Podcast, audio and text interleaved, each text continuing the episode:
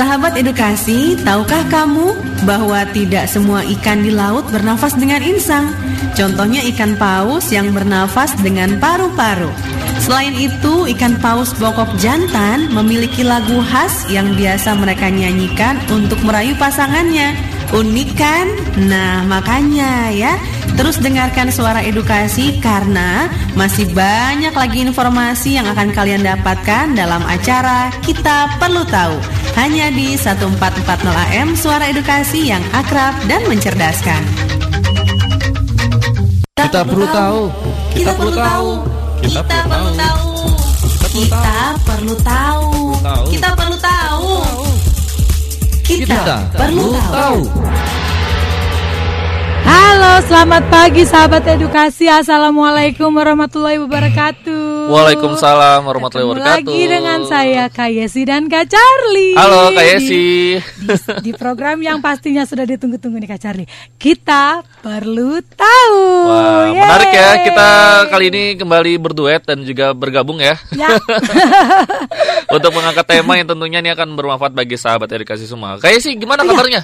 Baik sekali Kak Baik ya, ini kayaknya Kak Yesi ini semangat. selalu Senin-Senin ini kita harus semangat. Bener ya, Bener. selalu segar, semangat, terus juga optimis ya. Optimis harus Kak Charlie. hari-hari. Nah, Kak Charlie juga kan? Iya dong. Dan sahabat dikasih jangan lupa kamu juga harus bersemangat hari ini, ya kan? Katakan pada diri kamu semangat semangat semangat karena dengan semangat pun kita tetap optimis dan juga kita bisa produktif ya. Iya benar banget Kak Charlie. Jangan mager pokoknya. ya. Nggak boleh mager. Kalau udah malas gerak, waduh, nanti eh, apa ibaratnya sia-sia juga ya waktu yang yang Tuhan berikan kepada kita Oh, ya. iya. Tidak, tidak bisa buat- Oh. untuk melakukan apa-apa seperti iya, itu ya. padahal kan kita cuma punya waktu 24 jam sehari. Nah, dan silakan ya bagi sahabat dikasih nih di eh, edisi kali ini kalau ingin bergabung bisa WhatsApp di nomornya 0813 2526 1440. Dan jangan lupa kamu bisa mengakses podcastnya Suara Edukasi ya, Kak Isi Iya, ya? ha-ha, bener banget Kak Cari. Di Spotify ya, di jangan lupa. Spotify itu ya karena kalau sudah mengakses Spotify kalau kalian ikut Ki Hajar Explorer nah itu eh, kadang-kadang atau bukan kadang-kadang lagi sih ya suka-suka gitu ya itu soalnya itu dari Dari uh, Spotify. yang apa di podcastnya iya, Suara podcast Edukasi ya Kak Charlie ya. iya. Jadi kalau kamu rajin-rajin mendengarkan Spotify, terus nanti ketika kamu mengikuti Ki Hajar Explorer di Instagram, Aha. nah nanti kalau kamu soalnya ada di Spotify, kamu bisa hafal tuh, Mhm. ya kan? Benar, benar. Bisa bisa menjawab dengan benar. bisa menjawab dengan benar karena kamu sudah punya aplikasinya iya, ya kan benar Kak Charlie. nah kayak sih. Di edisi kita tahu hari ini kita membahas yaitu adalah di kegiatan eskul yang cukup Iya. populer kalau di sekolah-sekolah nih rata-rata kalau SMA itu SMA atau SMK pasti ada eskul ini Iya, pokoknya kalau ikut ekskul ini kegantengan dan kecantikannya Oh, iya, iya. bertambah sekitar 60%. 60 persen tapi bukan bukan ekstrakurikuler jadi model ya bukan oh, ya bukan. kalau jadi model mah emang modalnya harus cakep Harus dulu cakep ya dulu itu mah. Oke, nah sahabat dikasih kita akan bahas yaitu adalah paskibra, nah kan atau paskibra. pasukan pengibar bendera. Bendera. Nah ini menarik nih. Iya, Kenapa? Karena kita akan eh, membahas yaitu adalah manfaat dari paskibra itu sendiri. Wah. Manfaat dari kita mengikuti ekskul paskibra ya Kak Charlie ya. Mungkin kalau sahabat dikasih yang tidak mengikuti paskibra, taunya hanya ah itu paling mereka cuma berbaris-baris doang ya. Baris-baris terus em, ngibarin bendera selesai. Iya, gitu ya, Kak ternyata ya? enggak. Ternyata mereka itu melalui banyak eh, sekali hal-hal yang justru itu bermanfaat bagi diri mereka dan juga masa depan mereka. Nah, nah ini kayak sih. Jadi Ya. di edisi kali ini aku telah merangkum dan ini pun berdasarkan kesaksian dari Purna Paskibraka yaitu eh, Vivit F Argarini. Hmm, Jadi dia, itu ya. Iya, dia dulunya itu Paskibraka dan eh, tingkat eh, provinsi DKI. Nah, tapi tahunnya cukup lama sih 1989. Tapi sekarang Wah, ini dia banget. menjadi menjadi pakar komunikasi di salah satu universitas di Indonesia Wow, gitu ya. Nanti kita akan bahas Siap. eh, dia sudah membuat artikelnya Hmm, ya dan ini pun bisa menjadi inspirasi bagi kita semua. Iya. Wah, menarik ya. Menarik banget Kak Charlie. Dan nanti kita bahas lagi untuk lebih lanjut. Jadi kayak sih tetap semangat ya Semangat harus. sahabat edukasi juga nih. Dan nanti kalau sahabat edukasi mau kirim-kirim salam, langsung WhatsApp aja ya di Ya, ayo dong, 0813 WhatsApp kita. Iya benar ya. Bikin eh, studio kita semakin rame. Semakin ramai ya. Oke kayak sih dan juga sahabat edukasi nanti kita akan kembali lagi jadi tetap di suara edukasi. Sant eh, yang akrab dan mencerdasan. Sorry.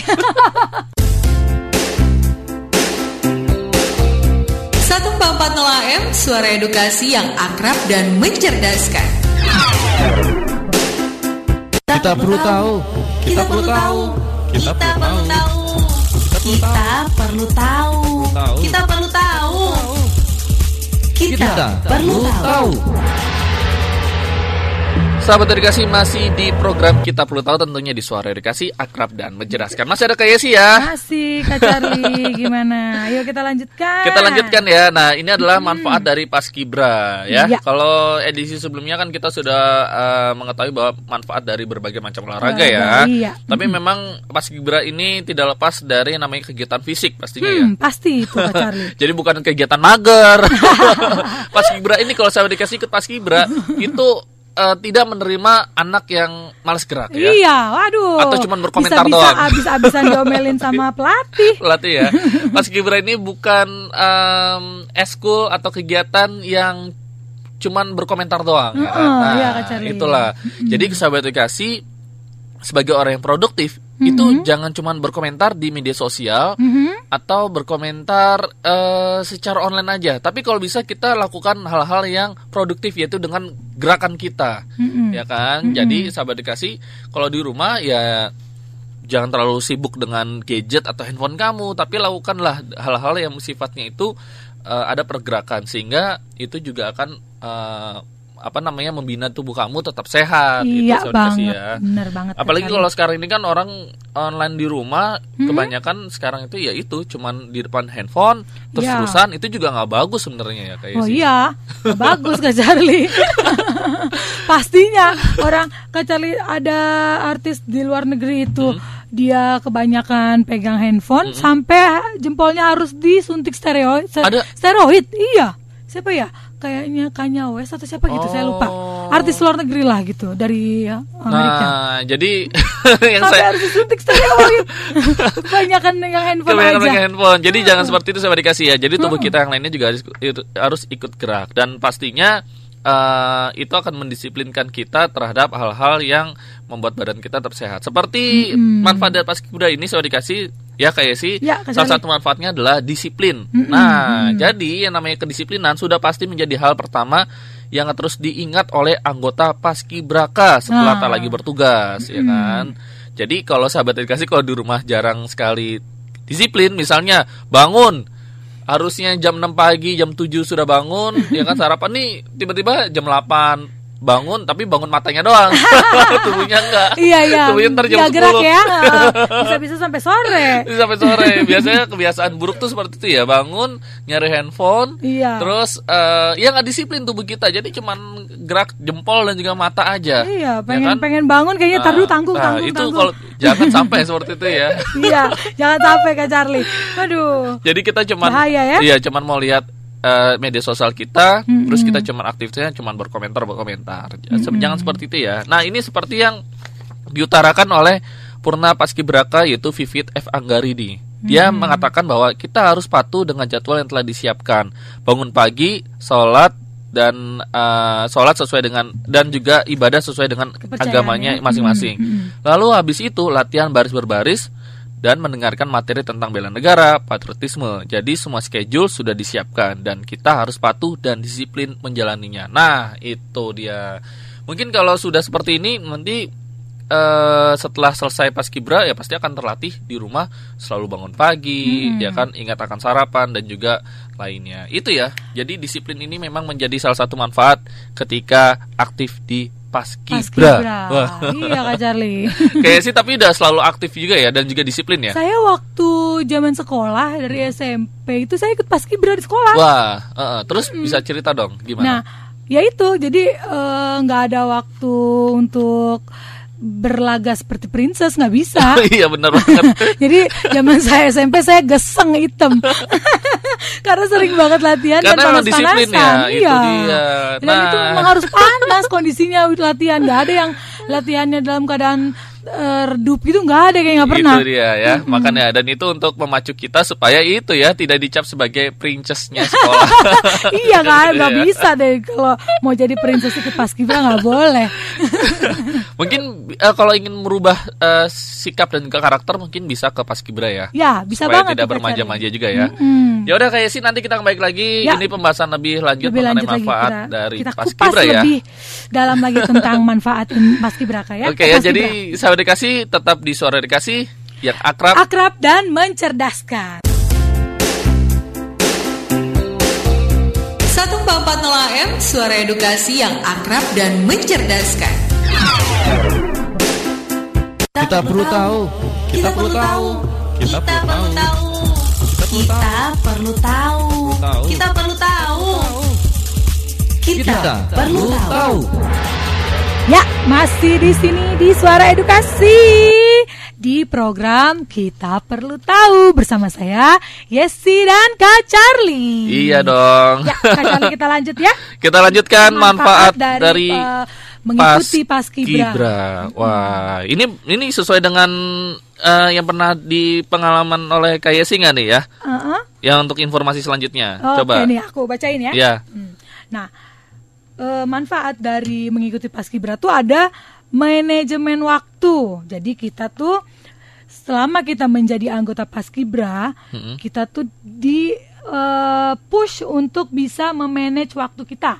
Jadi waktu kita tuh harus kita atur sedemikian mungkin supaya tidak eh, dibuang dengan hal yang tidak penting, Kak Charlie. Iya, Gitu. banget ya. Tugas-tugas pokok kita di sekolah juga harus kita kerjakan. Jadi itu bener-bener rigid tuh Kak Charlie. Bener banget. Kita bikin what to do listnya gitu, eh, Iya. dan juga not to do list. Nah, itu ya. Apalagi kalau dalam paskibraka itu sudah memasuki masa karantina. Wah, Wah, kalau paskibraka iya itu lebih sulit Itu lagi. kan. Kalau saya kan dulu hanya paskibra sekolah ya Kak Ah. Charlie. Walaupun paskibra sekolah, eh, misalnya di sekolah sudah ada karantina sendiri lah, melatih karantina gitu ya, atau untuk anggota baru, pasti sudah diajarkan untuk itu. Mengambil manajemen waktu. Iya, pasti Manajemen itu, waktu ya. Ayo waktunya untuk makan, eh, jam berapa gitu. Jadi dia sudah tahu, ya kan selain itu, eh dari manajemen waktu ini mungkin Hmm. langsung disiplin itu udah udah menjadi Sudah dimulai dari situ memang Dari situ Ya, udah pasti itu dimulai di situ.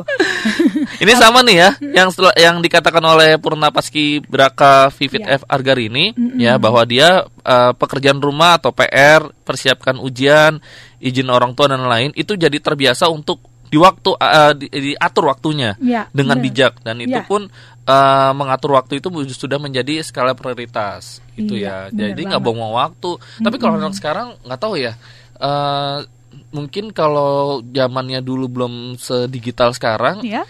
eh, bisa diatur tapi kalau sekarang kayaknya waktu untuk di depan handphone tuh bisa bisa satu kali jam orang kerja kali ya apa namanya 8 jam gitu ya Iya, tapi kalau misalnya ikut paskibraka sih kayaknya sulit juga Paskibraka Charlie. ya, iya, itu dia. Makanya karena saya di sana benar-benar eh, apa namanya tertib dan Iya. sampai makannya pun itu kayak dihitung gizinya dihitung berapa bener banget gitu. bener banget ya itu kalau paskibraka loh ya kan mungkin sampai dikasih menco kalau ingin mencoba ya paskibra di sekolah dulu aja gitu ya Iya. paskibra di sekolah latihannya di sekolah. Nah, Nah, itu ada gitu ya. step-stepnya Kak Charlie kalau kita mau sampai ke paskibraka. Dari sekolah, terus kita juga ke antar sekolah, bisa juga di kecamatan, ke apa namanya? kabupaten, itu Kabupaten, baru gitu nanti ya. ke tapi tahap-tahap nasional. itu juga sudah eh, pasti sudah harus yaitu disiplin juga Hmm, pasti. harus ya Karena kan di situ eh, kita juga dilihat eh, eh, postur tubuh juga nih Kak Cari. Kalau Hmm. kita tidak disiplin, postur tubuh juga pasti nggak akan bagus. gitu ya Iya. nggak ada nggak ada Harus apa nggak ada nggak ada anggota paskibra yang eh, gemuk gitu ya nggak ada, nggak boleh. Terus juga berdirinya pun, duduknya pun Harus tuh harus tegak tegak. Oh, nggak boleh melehoy. iya kalau melehoy wah itu bisa di strap terus ya iya, si boleh. Dia bisa diri terus sampai dia tegak. itu dia ya Oke, untuk sahabat edukasi nanti kita akan kembali lagi ya Oke, Eh, Kak lebih lanjut mengenai informasi manfaat dari paskibra itu sendiri ya. Iya. Jadi tetap di sore edukasi akrab, Akrab dan dan mencerdaskan. Suara edukasi yang akrab dan mencerdaskan Kita perlu tahu. Kita perlu tahu. Kita perlu tahu. Eh, kita Kita perlu tahu. Kita perlu tahu. Kita Kita perlu tahu. Hai, masih di sini kita di kita perlu tahu. Iya kayak sih ya. Ya. Dan ini kita nggak kalah seru lagi ya.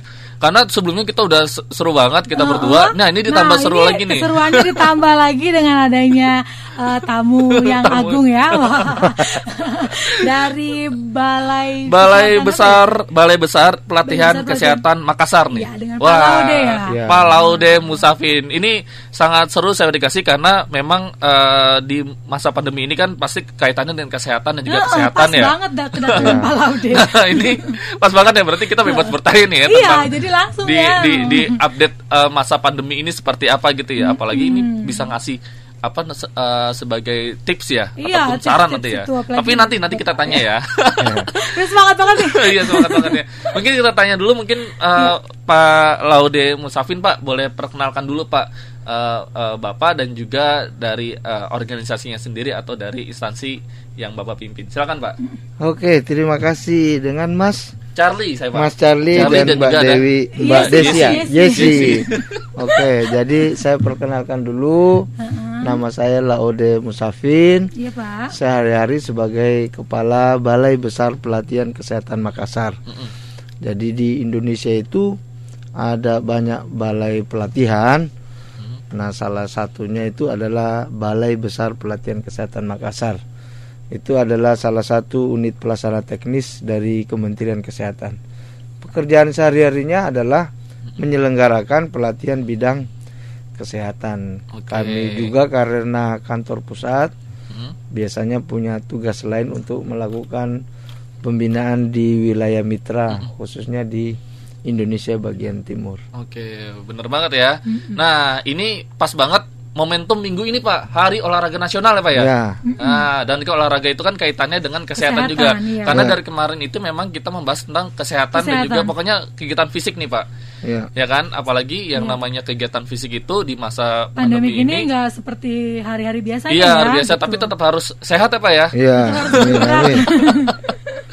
Nah, eh, Pak Laude mungkin eh, bisa diceritakan dulu Pak. Ini kan Bapak datang ke apa namanya? Ke Pusdatin gitu ya. Iya. Nah, ini kira-kira ada hal apa nih, Pak? Yang bisa dibagikan, Pak? Oke, terima kasih. Eh, pertama tentu di era COVID-19 ini ada perubahan yang drastis ya Iya, dalam proses penyelenggaraan pelatihan termasuk pelatihan kesehatan. Dulu kita banyak pelatihan di kelas. Iya. Walaupun sudah ada visi misi bahwa jauh ke depan kita akan mengadopsi prinsip pelatihan blended learning, Mm-mm. pelatihan jarak jauh tapi dengan adanya Covid ini terjadi percepatan Iya, menuju ke arah sana. Oh. Mau tidak mau kita Menyesuaikan tetap ya, pelatihan intinya tetap harus berjalan Mm-mm. walaupun di era COVID-19 ini. Tidak ada pilihan lain selain kita melakukan pembelajaran melalui e-learning, E-learning, pelatihan iya, melalui e-learning. Nah, tentu ada banyak perbedaan mazhab ya cara mendeliver pelatihan konvensional di kelas dengan pelatihan jarak jauh berbasis e-learning. Dan kami tahu bahwa kantor ini Pusdatin yang sudah bertransformasi ya dari Iya. dulu Pustekom ini menjadi Pusdatin Nomenklatur. adalah ya salah satu leading secara nasional yang bi- kami tentu akan banyak uh, belajar. Hal lainnya ini kan terjadi reorganisasi ya. Jadi ada namanya jabatan fungsional TPT ya, teknologi PTP, Pak. PTP, Pe- Pengembang pengembangan Teknologi pembelajaran. pembelajaran. Nah, itu di kami direncanakan enam orang ya uh, untuk menjadi ini. Ya. Nah ini adalah tahap awal Iya, teman-teman eh, PTP ini untuk belajar bagaimana eh, sebaiknya menjadi seorang jafung eh, PTP, PTP, yang benar. Berikutnya eh, kebetulan saya sendiri sebagai ketua Asosiasi Bapelkes Nasional ABI Indonesia ya, ketua Bapelkes Indonesia. Jadi harapan saya membawakan juga ini suara kebutuhan dari teman-teman Uh-uh. para kepala balai pelatihan kesehatan Indonesia yang hampir tersebar di seluruh provinsi ya. sehingga ini kerjasama kami dengan Pusdatin Kemendikbud ini bukan hanya memberi manfaat sebesar-besarnya Ya. bagi kantor kami BBBK Makassar tapi juga bagi mitra strategis kami. Iya. Saya pikir Ya, benar banget ya. Ini sangat pas sekali ya. Iya. Karena di era sekarang ini namanya transformasi digital itu sudah Tidak eh, bisa dihindari. tidak bisa dihindari Pak. Apalagi kan memang yang namanya kebutuhan akan eh, pembelajaran tadi di kelas.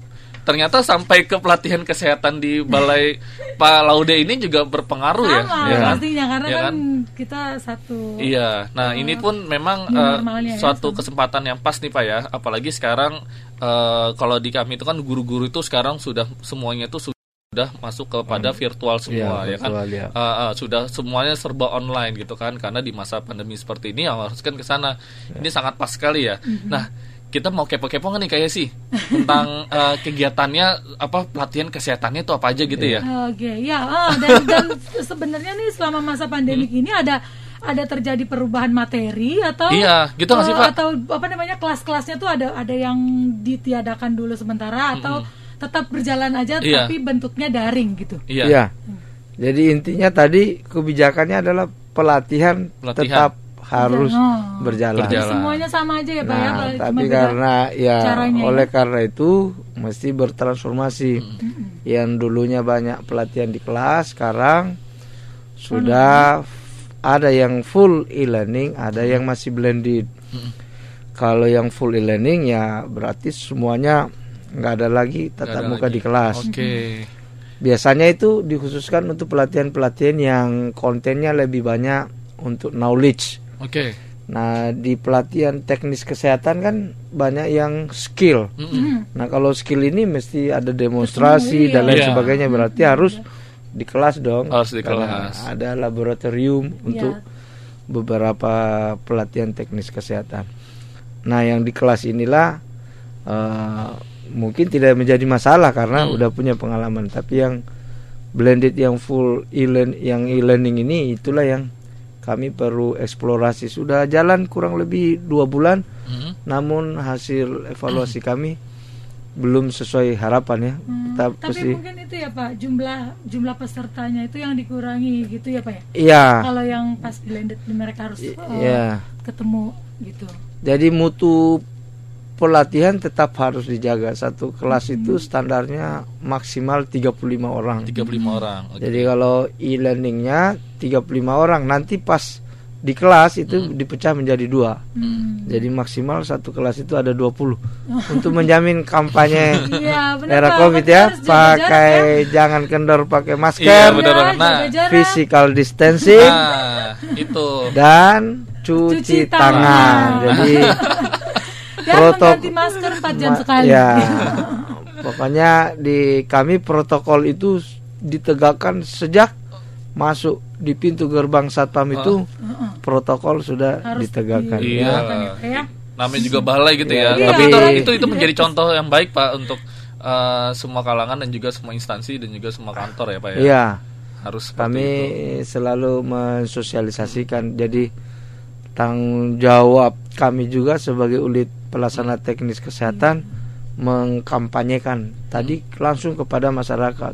langsung pada masyarakat. Ya, Oke jadi ya. dalam tiga bulan terakhir ini kemarin kami mengkampanyekan jangan kendor pakai masker, masker. ke tempat-tempat umum, ke pasar-pasar, ke mana-mana ya. Jadi ini bagian Di- dari corporate social responsibility Oh. CSR. Ah, banget. CSR ya, ya. ya, bu- jadi bukan hanya pelatihan doang, tapi Ah, tapi sekarang saatnya terjun ke ya, ya, terhadap masyarakat Dan ya. itu yang yang kita kepoin sebenarnya tapi eh, terjawab juga ya. Kira Itu maksudnya eh, sosialisasi di tetap berjalan. Jakarta atau di Makassar itu? Di Makassar, Di Makassar, Pak. ya. karena Oke, ya. lokasi kami di Makassar. Tapi ya. tentunya Bapak sebagai eh, ketua asosiasi juga em, apa namanya menginfluenskan semua balai di provinsi ini juga melakukan hal tersebut ya Pak ya. Iya, itu sudah menjadi komitmen kami sekarang ini yang menjadi kebutuhan bersama ini asosiasi Bapelkes adalah ini bagaimana menyelenggarakan pelatihan dengan full e-learning maupun blended learning dengan hasil yang maksimal sebagaimana eh, pelatihan konvensional Iya. ya di kelas Oke. semua. Nah, itu eh, kami harus banyak belajar mengeksplorasi sana sini dan tadi saya udah banyak mendapatkan penjelasan ya dari para expert di Pusdatin ini badan itu yakin jadi ada dukungan teori Iya. dan juga ada praktek Iya benar Sehingga sekali pak. saya bilang ah inilah yang di, kami cari-cari selama ini Jadi, semuanya jadi jauh-jauh ke sini pas ya. Iya. ya Waktunya pas. Pak, saya mau nanya nih Pak, kan di sana sosialisasi nih Pak, ya Eh, untuk tetap pakai masker, social distancing ya kan, dan juga eh, Cuci cuci tangan. cuci tangan. Di sana ada kesulitannya nggak sih Pak, atau misalnya eh, suka dukanya gitu Pak dalam sosialisasi Dalam untuk warga Makassar ya Pak ya? Ya, eh, tentu tidak eh, sebelum semua ya lapisan kalangan masyarakat itu eh, mempunyai pemahaman, Pemahaman dan ya. perilaku yang sama. Hmm. Sebenarnya kalau pemahaman ini kan bukan sesuatu yang rumit, tapi menjadi perilaku itu yang masih perlu Iya benar banget. edukasi secara terus menerus. Jadi jangankan di tengah masyarakat di kantor pun kita henti-hentinya harus mengedukasi. Jadi di kantor saya ada tim Satgat Covid, COVID ya. yang saya minta mereka pakai lencana Iya, begini pakai kalau gitu sedang ya. on duty ya kan. Ya kayak tentara lagi Iya tuh. benar banget Pak. Sehingga ya jangan lihat pangkatnya tapi lihat badge-nya itu. Iya Iya, benar. oke. Bahwa dia sedang on duty dan Anda semua kalau Gitu ya, bukan ditegur ya tapi diingatkan. Kalau ditegur kan kesannya Oh benar sekali. ya, disentif diingatkan. sanksi ya. Iya, Jadi benar, Pak. Iya, iya. diingatkan. Diingatkan. Karena kalau tegur kan seakan-akan melanggar sesuatu yang luar biasa Iya, banget ya. Iya, iya, iya. Tapi kalau diingatkan bahasanya lebih soft Halus, ya. sehingga ya resistensi menjadi eh, rendah. berkurang ya. Ya. Wah ini nih kalau sosialisasi Pak Laude enak nih ya. Nah, itu Wah pasti pada nurut-nurut nih iya, ya. jadi ki- kita juga mendapatkan sesuatu nih dari Pak Laude Iya. ya. Jadi, intinya untuk sahabat dikasih kalau misalnya ada orang yang memak- eh, meminta untuk memakai itu sebenarnya itu adalah mengingatkan Iya, kesadaran demi ya. kebaikan bersama ya Pak ya. Iya, Apalagi iya. di zaman sekarang ini virus itu kan berbahaya dan kita ingin semuanya tuh Indonesia tuh sehat ya Pak ya. Iya. Nah itu dia. Ada lagi nggak kayak sini? Iya. Jadi saya tambahkan. Iya boleh Pak Jadi, silakan. Ini kalau muslim Iya, Pak. itu kalau sebentar lagi kan kita salat Jumat. Mm-mm. Biasanya sebelum salat Jumat ada tiga gentle reminder. Oke. apa aja, Tidak Pak? diingatkan kita Iya. tiga untuk supaya sholat tepat waktu di masjid. Satu kan salawat dulu. Mm-mm. Itu gentle reminder yang pertama. Uninformal. Tidak formal kan salawat. Iya, Lalu azan ini formal. formal. Formal. Iya. Gentle reminder dua. Mm-mm. Lalu dengan azan saya tidak cukup. Terakhir ikomat Iya. Hmm. tiga. Jadi ini ajaran agama ini perlu Nah. diterjemahkan Mm-mm. dalam kehidupan kita sehari-hari Iya. bahwa urusan mengerjakan sesuatu yang wajib atau menguntungkan semua kita itu ya harus saling ingat mengingatkan. Oke, iya, Pak. Saya Iya. pikir itu pesannya. supaya eh, ibadah pun tetap berjalan ya Iya. jangan sampai kita eh, apa terbengkalai ya karena kondisi covid ini ya pak ya Iya. bener banget itu Iya. pak kasih sedikit eh, harapan juga tips nih pak karena pendengar kita kan eh, kebanyakan siswa siswi nih pak Ya, nah untuk yang di rumah pak apalagi yang saat ini sedang online di rumah kadang kan kalau sekarang keluar rumah ah nggak usah pakai masker lah atau apa nah boleh kasih Atau himbauan katanya mau deket doang. ya. Silakan, Pak. Intinya jangan kendor pakai masker Sar- karena salah satu cara yang paling efektif. Efektif, Efektif itu artinya biasanya dari sisi biaya murah Iya. tapi mudah dilakukan itu adalah memakai Masker. masker. Masker. Karena masker itu bukan hanya melindungi diri kita tapi juga melindungi orang orang lain orang lain dan sebagaimana imunisasi masker ini harus untuk semua. Mm-mm. Tidak peduli anak, dewasa, Iya, tua, kadang-kadang muda iya. ya. Semua wajib memakai Masker. Masker. Iya, bener karena banget pandemi tidak mengenal golongan umur. wah Iya. bener banget Iya, ya soalnya kan kayak kemarin ini saya baca berita, Pak, Ya. di Bekasi itu banyak anak-anak yang terkena eh, COVID. COVID, ya. Dan ternyata karena orang tuanya itu tidak meng memakaikan masker ke anak-anaknya karena dipikir anak-anak main biasa.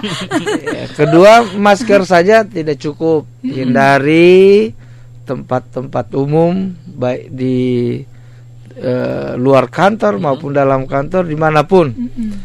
Itu yang kumpul-kumpul. Jadi physical distancing tetap harus Ah. dijaga.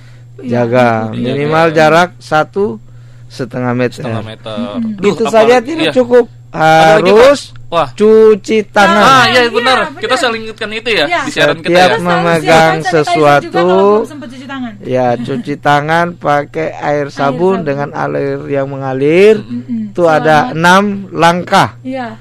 sesuai anjuran WHO. Ya, oh, bener banget, Pak. Selama du- Ah. minimal berapa? 20 detik, 30 detik. Iya. Iya, Pak. Cuci tangannya gitu. Ya. Enam puluh saya lupa juga 30 dua, detik dua kalau nggak salah kita 20 cuci detik. tangan. ya ikuti sampai enam langkahnya ya. Bener banget itu Pak. Karena apalagi di Jabodetabek ini ya sahabat dikasih ini kan masih zona merah Pak ya. Ya. Jadi yang namanya protokol kesehatan tersebut yang disebutkan oleh eh, Bapak Laude ini harus dijalankan sahabat dikasih supaya eh, DKI Jakarta dan juga sekitarnya itu hijau kembali iya, ya. segera Aduh, kembali ya kan? sehat lagi. Amin, Biar amin, bisa amin. sekolah lagi, bisa ketemu teman-teman lagi. Intinya Iya. semua itu harus dimulai Dan dari diri kita. Perekonomian Iya. jadi kembali sehat juga. Nah, itu ya. Oke, Pak Laude, itu aja. Terima kasih Pak telah Ya, hadir ke. Suara Edukasi sudah berbagi cerita ya. Iya, terima kasih banyak nih Pak Laude kita dapat uh, ilmu banyak juga ya. Iya. Semoga bisa bertukar eh, ilmu juga dengan Pusdatin, Pak. Dan Iya. juga kita nitip salam apa ya buat teman-teman di sana. Iya. Salam Ya, dari Suara. Edukasi dan juga salam dari teman-teman di Pusdatin di sini. Ya, sukses selalu Sukses untuk teman-teman di Suara Edukasi. Terima kasih Terima banyak kasih ya. Pak Laude. Dan sahabat dikasih nanti kita akan kembali lagi ya. Oke, ya, Kak kan? Bersama Kak Yesi jadi tetap di Suara Edukasi akrab dan, Dan mencerdaskan. mencerdaskan. 144 AM Suara Edukasi yang akrab dan mencerdaskan. Kita perlu tahu. Kita perlu tahu. Kita perlu tahu. Kita perlu tahu. Tahu. Kita perlu tahu. Kita Kita perlu tahu. Sahabat edukasi kembali bersama Kak Yesi dan juga Kak Charlie Kak ya. Charlie, iya, benar di program sekali. kita perlu tahu. Iya. Tadi seru ya kita ngobrol-ngobrol bersama Pak Laude ya. Iya, seru banget Kak Charlie. Kita Karena- dapat ilmu ya. Iya, karena Pak Laude juga menginginkan kerjasama dengan Pusdatin terkait eh, pelatihan mereka yang secara daring nantinya ya. Iya, jadi Gitu mereka ya. pengen tahu lebih lebih detail lagi bagaimana cara pelaksanaan em, pelatihan secara daring. Dan timba baliknya kita jadi tahu ya tentang konten-konten Ah, mereka ya. Iya, dan kebetulan Apalagi materi kesehatan. kita kan materi siarannya memang eh, sebulan ini mengenai kesehatan Iya. dan olahraga ya. Dan tadi juga Pak Laude udah mengingatkan kepada kita bahwa eh, sahabat edukasi yaitu memakai masker itu memang sangat diprioritaskan gitu kan. Karena itu bentuk imunitas baru ternyata ya. Iya, jadi yang untuk itu melindungi diri kita. eh, cara terefisien, Nah, paling ya. murah dan paling mudah untuk di- dilakukan lakukan. ya. Iya. Bener banget tadi Pak Laude udah mengingatkan. Dan tadi juga kalau seandainya eh, sahabat edukasi diminta untuk pakai masker atau sahabat edukasi sendiri meminta temannya pakai masker itu Iya. bukan sebagai teguran ya Uh-uh. tapi sebagai pengingat, ya Pengingat. gitu Benar ya supaya supaya kita tetap terjaga dan juga melindungi orang lain. Iya. Nah, kayak sih kita kembali ke topik kita yaitu Iya, manfaat Kak pas Charlie. Ibra. Mhm. Ini eh, sangat bagus sekali. Selanjutnya aku bacain ya. Oke, Kak yaitu Charlie. adalah teamwork atau kerjasama. Mm-mm. Wah, ini namanya teamwork itu sebenarnya sulit dibangun juga loh sahabat dikasih kayak sih. Iya. Tahu nggak kenapa? Jadi kalau teamwork itu itu biasanya eh, kita harus membuka diri kita kepada orang lain. Mm-mm, Ya Jadi kan? harus ada kecocokan, Kecocokan juga. Kalau nggak cocok susah. Nah, jadi kita harus ngebuka diri kita, saya Iya, dikasih ya. benar- benar banget, jadi kalau saya dikasih orang yang masih tertutup, introvert, waduh, kalau namanya untuk kerjasama itu pasti Susah. akan susah gitu ya. Nah, di sinilah uh, Pas Kibra ini uh, sebagai bentuk untuk membentuk kerjasama antar tim. Iya, nah, benar jadi sekali. Ini sama seperti uh, Purna Pas Kibraka yang diutarakan oleh Vivit F Agar ini bahwa Mm-mm. uh, kerjasama antar tim atau teamwork ini terlatih seiring Pas Kibra pada saat latihan baris berbaris. Iya. Nah, jadi kata dia, jika satu orang saja salah, maka Iya. satu grup itu akan dihukum. Jadi kita harus memikirkan yang lainnya juga supaya grupnya tidak dikenai hukuman dan harus terus Iya. belajar dan memperbaiki yang kurang. Lalu eh, kita satu gerakan yang sama dan juga bersemangat yang sama guna untuk menghindari yang namanya itu adalah hukuman. Iya, Nah, benar banget Kak Charlie. jadi iya sih kalau latihan eh, baris-baris ya udah benar kita salah Iya. hukum semua. Benar. Karena eh, di situ akhirnya kita jadi merasa eh, kalau kita yang berbuat salah, kita merugikan orang lain, Hmm. Iya, teman-teman kita juga ikut dirugikan karena kita salah. Akhirnya kita berusaha untuk tidak melakukan kesalahan. bukan kesalahan. Iya, Makanya kerjasama itu harus dilatih ya. Iya, benar. Ya kan, ibaratnya, Charlie. Ehm, ah, gue ini yang salah. iya, kan nggak- dia yang salah tapi yang dihukum semua. semuanya. Bisa-bisa dibully. ya itu ya jadi jadi jadi ini adalah suatu kesempatan saya dikasih bila ingin mengikuti paskibraka itu yang namanya teamwork itu bisa terbentuk ya Iya. dalam diri kita nanti kita bahas lagi ya kayak sih Oke, ya lebih lanjut jadi untuk saya dikasih jangan ke mana-mana tetap di suara dikasih akrab dan, Dan mencerdas. 1440 AM Suara edukasi yang akrab dan mencerdaskan Kita perlu tahu. Kita perlu tahu. Kita perlu tahu. Kita perlu tahu Tahu. Kita perlu tahu Kita Kita perlu tahu Masih di sini di kita perlu tahu bersama aku, saya Yesi dan Kak Charlie. Iya dong ya. Dan kita masih terus membahas mengenai manfaat dari mengikuti Paskibra. paskibra. Itu dia ya. Mungkin Ya. Kalau sahabat edukasi eh, terbilang punya fisik yang bagus gitu ya, atau punya ibaratnya, wah iya kak aku nggak gemuk nih, aku nggak apa, punya badannya bagus, Iya. bugar. Nah kamu bisa ikut nih, namanya paskibra ya. Iya. Ka- apalagi kalau sahabat edukasi ini punya fisik yang, kayak aku agak gemukan deh kak. Kayaknya aku agak eh, berat badanku naik mulu gitu ya, atau nggak Iya, per- iya, percaya iya. diri gitu ya. Heeh. Nah ini bisa nih mengikuti paskibra nih, kayak sih ya. Biasanya sih yang ikut ikut paskibra tuh karena memang jiwanya terpanggil Kak Charlie Iya, sih. jiwa terpanggil. Tapi tapi bisa juga loh kalau misalnya kita pengen aku nggak mau nge-gym ah tapi pengen ikut eskul yang bisa melatih fisik. nah, itu bisa loh. Oh ya, Gitu ya. tapi agak jarang sih. Biasanya tuh yang mau ikut tuh, yang karena memang dia hobinya su- suka olah tubuh gitu, Olah misal tubuh, olahraga uh, uh. gitu. Terus juga dia memang mempunyai nasionalisme yang Nah, tinggi. jadi memang Charlie. jadi Ah. memang eh, jangan didasari pengen bentuk tubuh saya dikasih Hmm. ya tapi memang harus didasari nasionalisme dan juga patriotismenya Iya, harus tinggi. cinta tanah- gitu cinta tanah tanah, air, air, ya. Iya. itulah yang dicari oleh eh, kalau mau- menuju paskibraka sebenarnya ya. Iya, benar banget nasionalisme dan juga itu harus dari nah ini aku mau bacain lagi ya. Oke, apa ya? Nah, Eh, ya. selanjutnya ini eh, manfaatnya saya dikasih dari paskibra ini adalah melatih kekuatan fisik. Mhm, nah. Itu udah pasti ya Kak Charlie ya. Ya, jadi kalau yang namanya eh, melatih eh, namanya ikut paskibra itu pasti sudah pasti melatih kekuatan fisik saya dikasih. Benar sekali. Nah, Kak jadi kalau seorang anggota paskibra itu pasti memiliki tubuh yang ideal dan Iya. juga eh, ya pokoknya berotot lah ya. Iya, karena sering latihan PBB Nah, kan? itu dia bener Baris banget berbaris. ya. Nah, terus juga dalam latihannya mereka eh, tangan, kaki itu dan keseimbangan tubuh harus dikunci dengan kuat agar jika disenggol dia tidak Tidak jatuh, jatuh. ataupun goy- goyang ya. Iya. Nah, itu ya. Jadi memang sih kalau iya sih kalau berbaris ya kesenggol dikit jatuh ya nggak boleh kan. Jadi harus tetap tegap iya, gitu ya. jadi dia tuh istilahnya kayak dikunci gitu dia. dikunci. Nah, Tek itu gitu gimana cara kunci. Jadi itu memang eh, dia pasti fisiknya itu sudah terlatih. Ya. Jadi kalau kalian bergaul dengan as- askibra itu mereka tidak bisa digoyang ya. Goyang tidak bisa Iya, digoyangkan. tidak mudah untuk digoyahkan. Iya itu dia ya. Dan yang pasti mereka punya badan yang tegap dan Ya. juga penampilan tetap yang rapi. tetap rapi. Gitu iya, karena kan em, di paskibra itu kita diajarkan bagaimana menjaga kebersihan, menjaga bener kerapian. banget. Pada saat kita latihan pun kan kita eh, pasti ada beberapa momen kita yang harus eh, sikap merapikan eh, pakaian yang kita pakai kan. Mm-mm. Dan itu pun merapikannya bukannya merapikan biasa sih Kak Charlie. Kita ceknya di- juga dengan dengan protokol. Satu, Nah, dua, tiga, iya gitu itu kan. ya, itu dia bener banget ya protokolnya. Dan yang pasti nggak ada loh anggota paskib yang apa gondrong gitu nggak ada ya apalagi boleh. nggak boleh. Jadi harus rapi, rambut juga harus rapi. Jadi memang harus Iya. terbiasa rapi dan kita juga mendisiplinkan diri kita apa nih baju kita yang masih berantakan ya. Iya. Nah, kita aja ya. yang perempuan kalau ikut paskibra jarang ada yang panjang. Sebahu gitu. Sebahu ya, Iya. wah itu dia. Iya sih nggak ada yang panjang ya. Iya. Repot kalau panjang. Nah itu, yuk nanti kita akan bahas lagi ya, kayak sih ya. Oke, Kak Eh, Charlie. lebih lanjut mengenai manfaat dari paskibra, tentunya menarik untuk kita bahas. Jadi tetap di sore dikasih yang akrab, dan, mencerdaskan.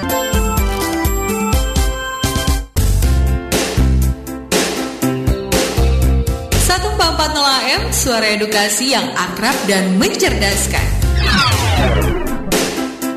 Kita perlu tahu. Kita perlu tahu. Kita perlu tahu. Kita perlu tahu.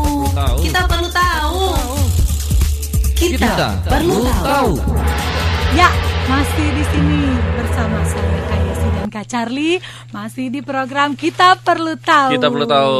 Duh, ini Sahabat studio edukasi gimana kabarnya? Masih Ya semangat pasti gak? semangat lah ya. Siang di siang hari ini eh, jangan lupa untuk makan siang makan sampai dikasih ya. siang. Jadi eh, jangan lemes, jangan, Jangan lemes ya. belum makan siang ma- harus lemes enggak, enggak gitu. Itu dia. Wah, dan eh, kondisi saat ini di Jabodetabek memang ini agak Redup agak, ya, agak redup ya. Jadi panas dan juga hujan. Dan Tapi ini enak kayaknya kalau Iya. keluar nggak terlalu panas. nggak terlalu panas. Tapi tetap eh, jaga kesehatan sampai dikasih karena untuk daerah Jabodetabek sendiri kemarin itu kan sempat hujan gitu kan dan juga panas. Pancaroba takutnya Nah, ya itu, namanya jadi- pancaroba biasanya daya tahan tubuh kita itu tuh dia menurun, benar banget Charlie. benar banget jadi sahabat dikasih tetap menjaga kesehatan jangan lupa minum vitamin ya Ah, dan juga dia, eh, ya benar banget dan juga jangan lupa untuk tetap berolahraga Iya. kita lanjutkan pembahasannya mengenai manfaat paskibra Iya. eh, untuk Kayasi Oke, jadi kita tuh kalau ikut paskibra nih Kak Charlie, Hmm. Eh, kita tuh kan eh, apalagi paskibraka ya, dia kalau paskibraka tuh pasti ada yang namanya karantina, Hmm. masa-masa karantina. Jadi pada saat kita meng- mengalami yang namanya masa karantina itu, di situ kita eh, harus berlatih. Itu latihannya tuh setiap hari pasti Kak Charlie. ya benar Terus banget berapa jam tuh lama gitu jamnya untuk latihan, lebih lama dari jam-jam yang biasanya. Terus di situ para paskibraka itu jadi terbiasa untuk memiliki rasa bersyukur. nah itu dia ya Iya, karena mereka menjadi sadar untuk bersyukur eh, karena mereka tuh dibiasakan bersyukur karena setiap sesi makan Heeh. anggota paskibra itu diwajibkan menghabiskan seluruh makanan yang Nah, disediakan panitia. itu dia. Tidak boleh ada yang tersisa Kak Charlie.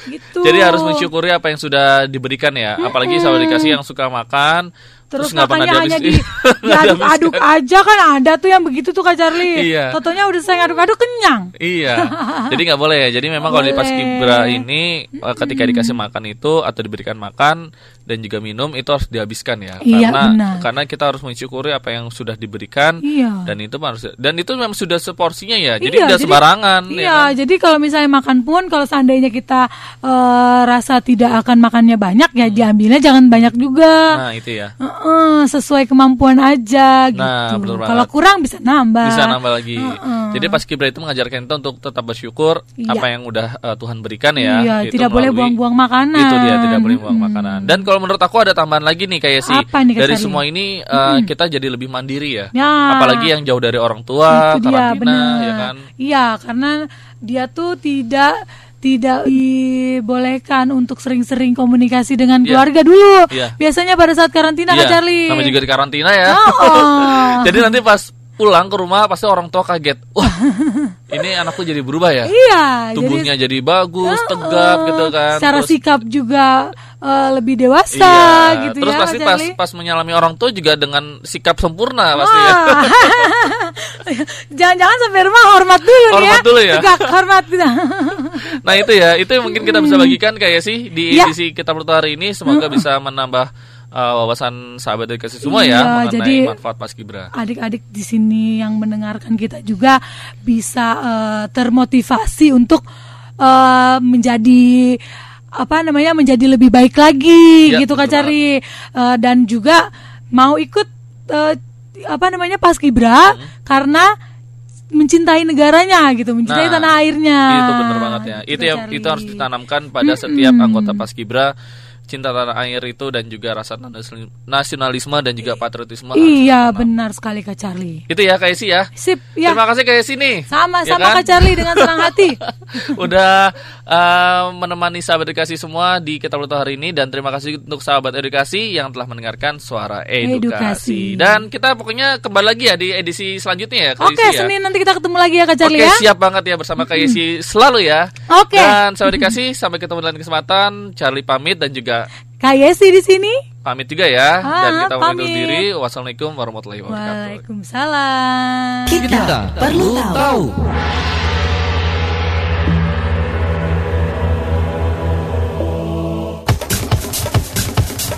dipersembahkan oleh Suara Edukasi.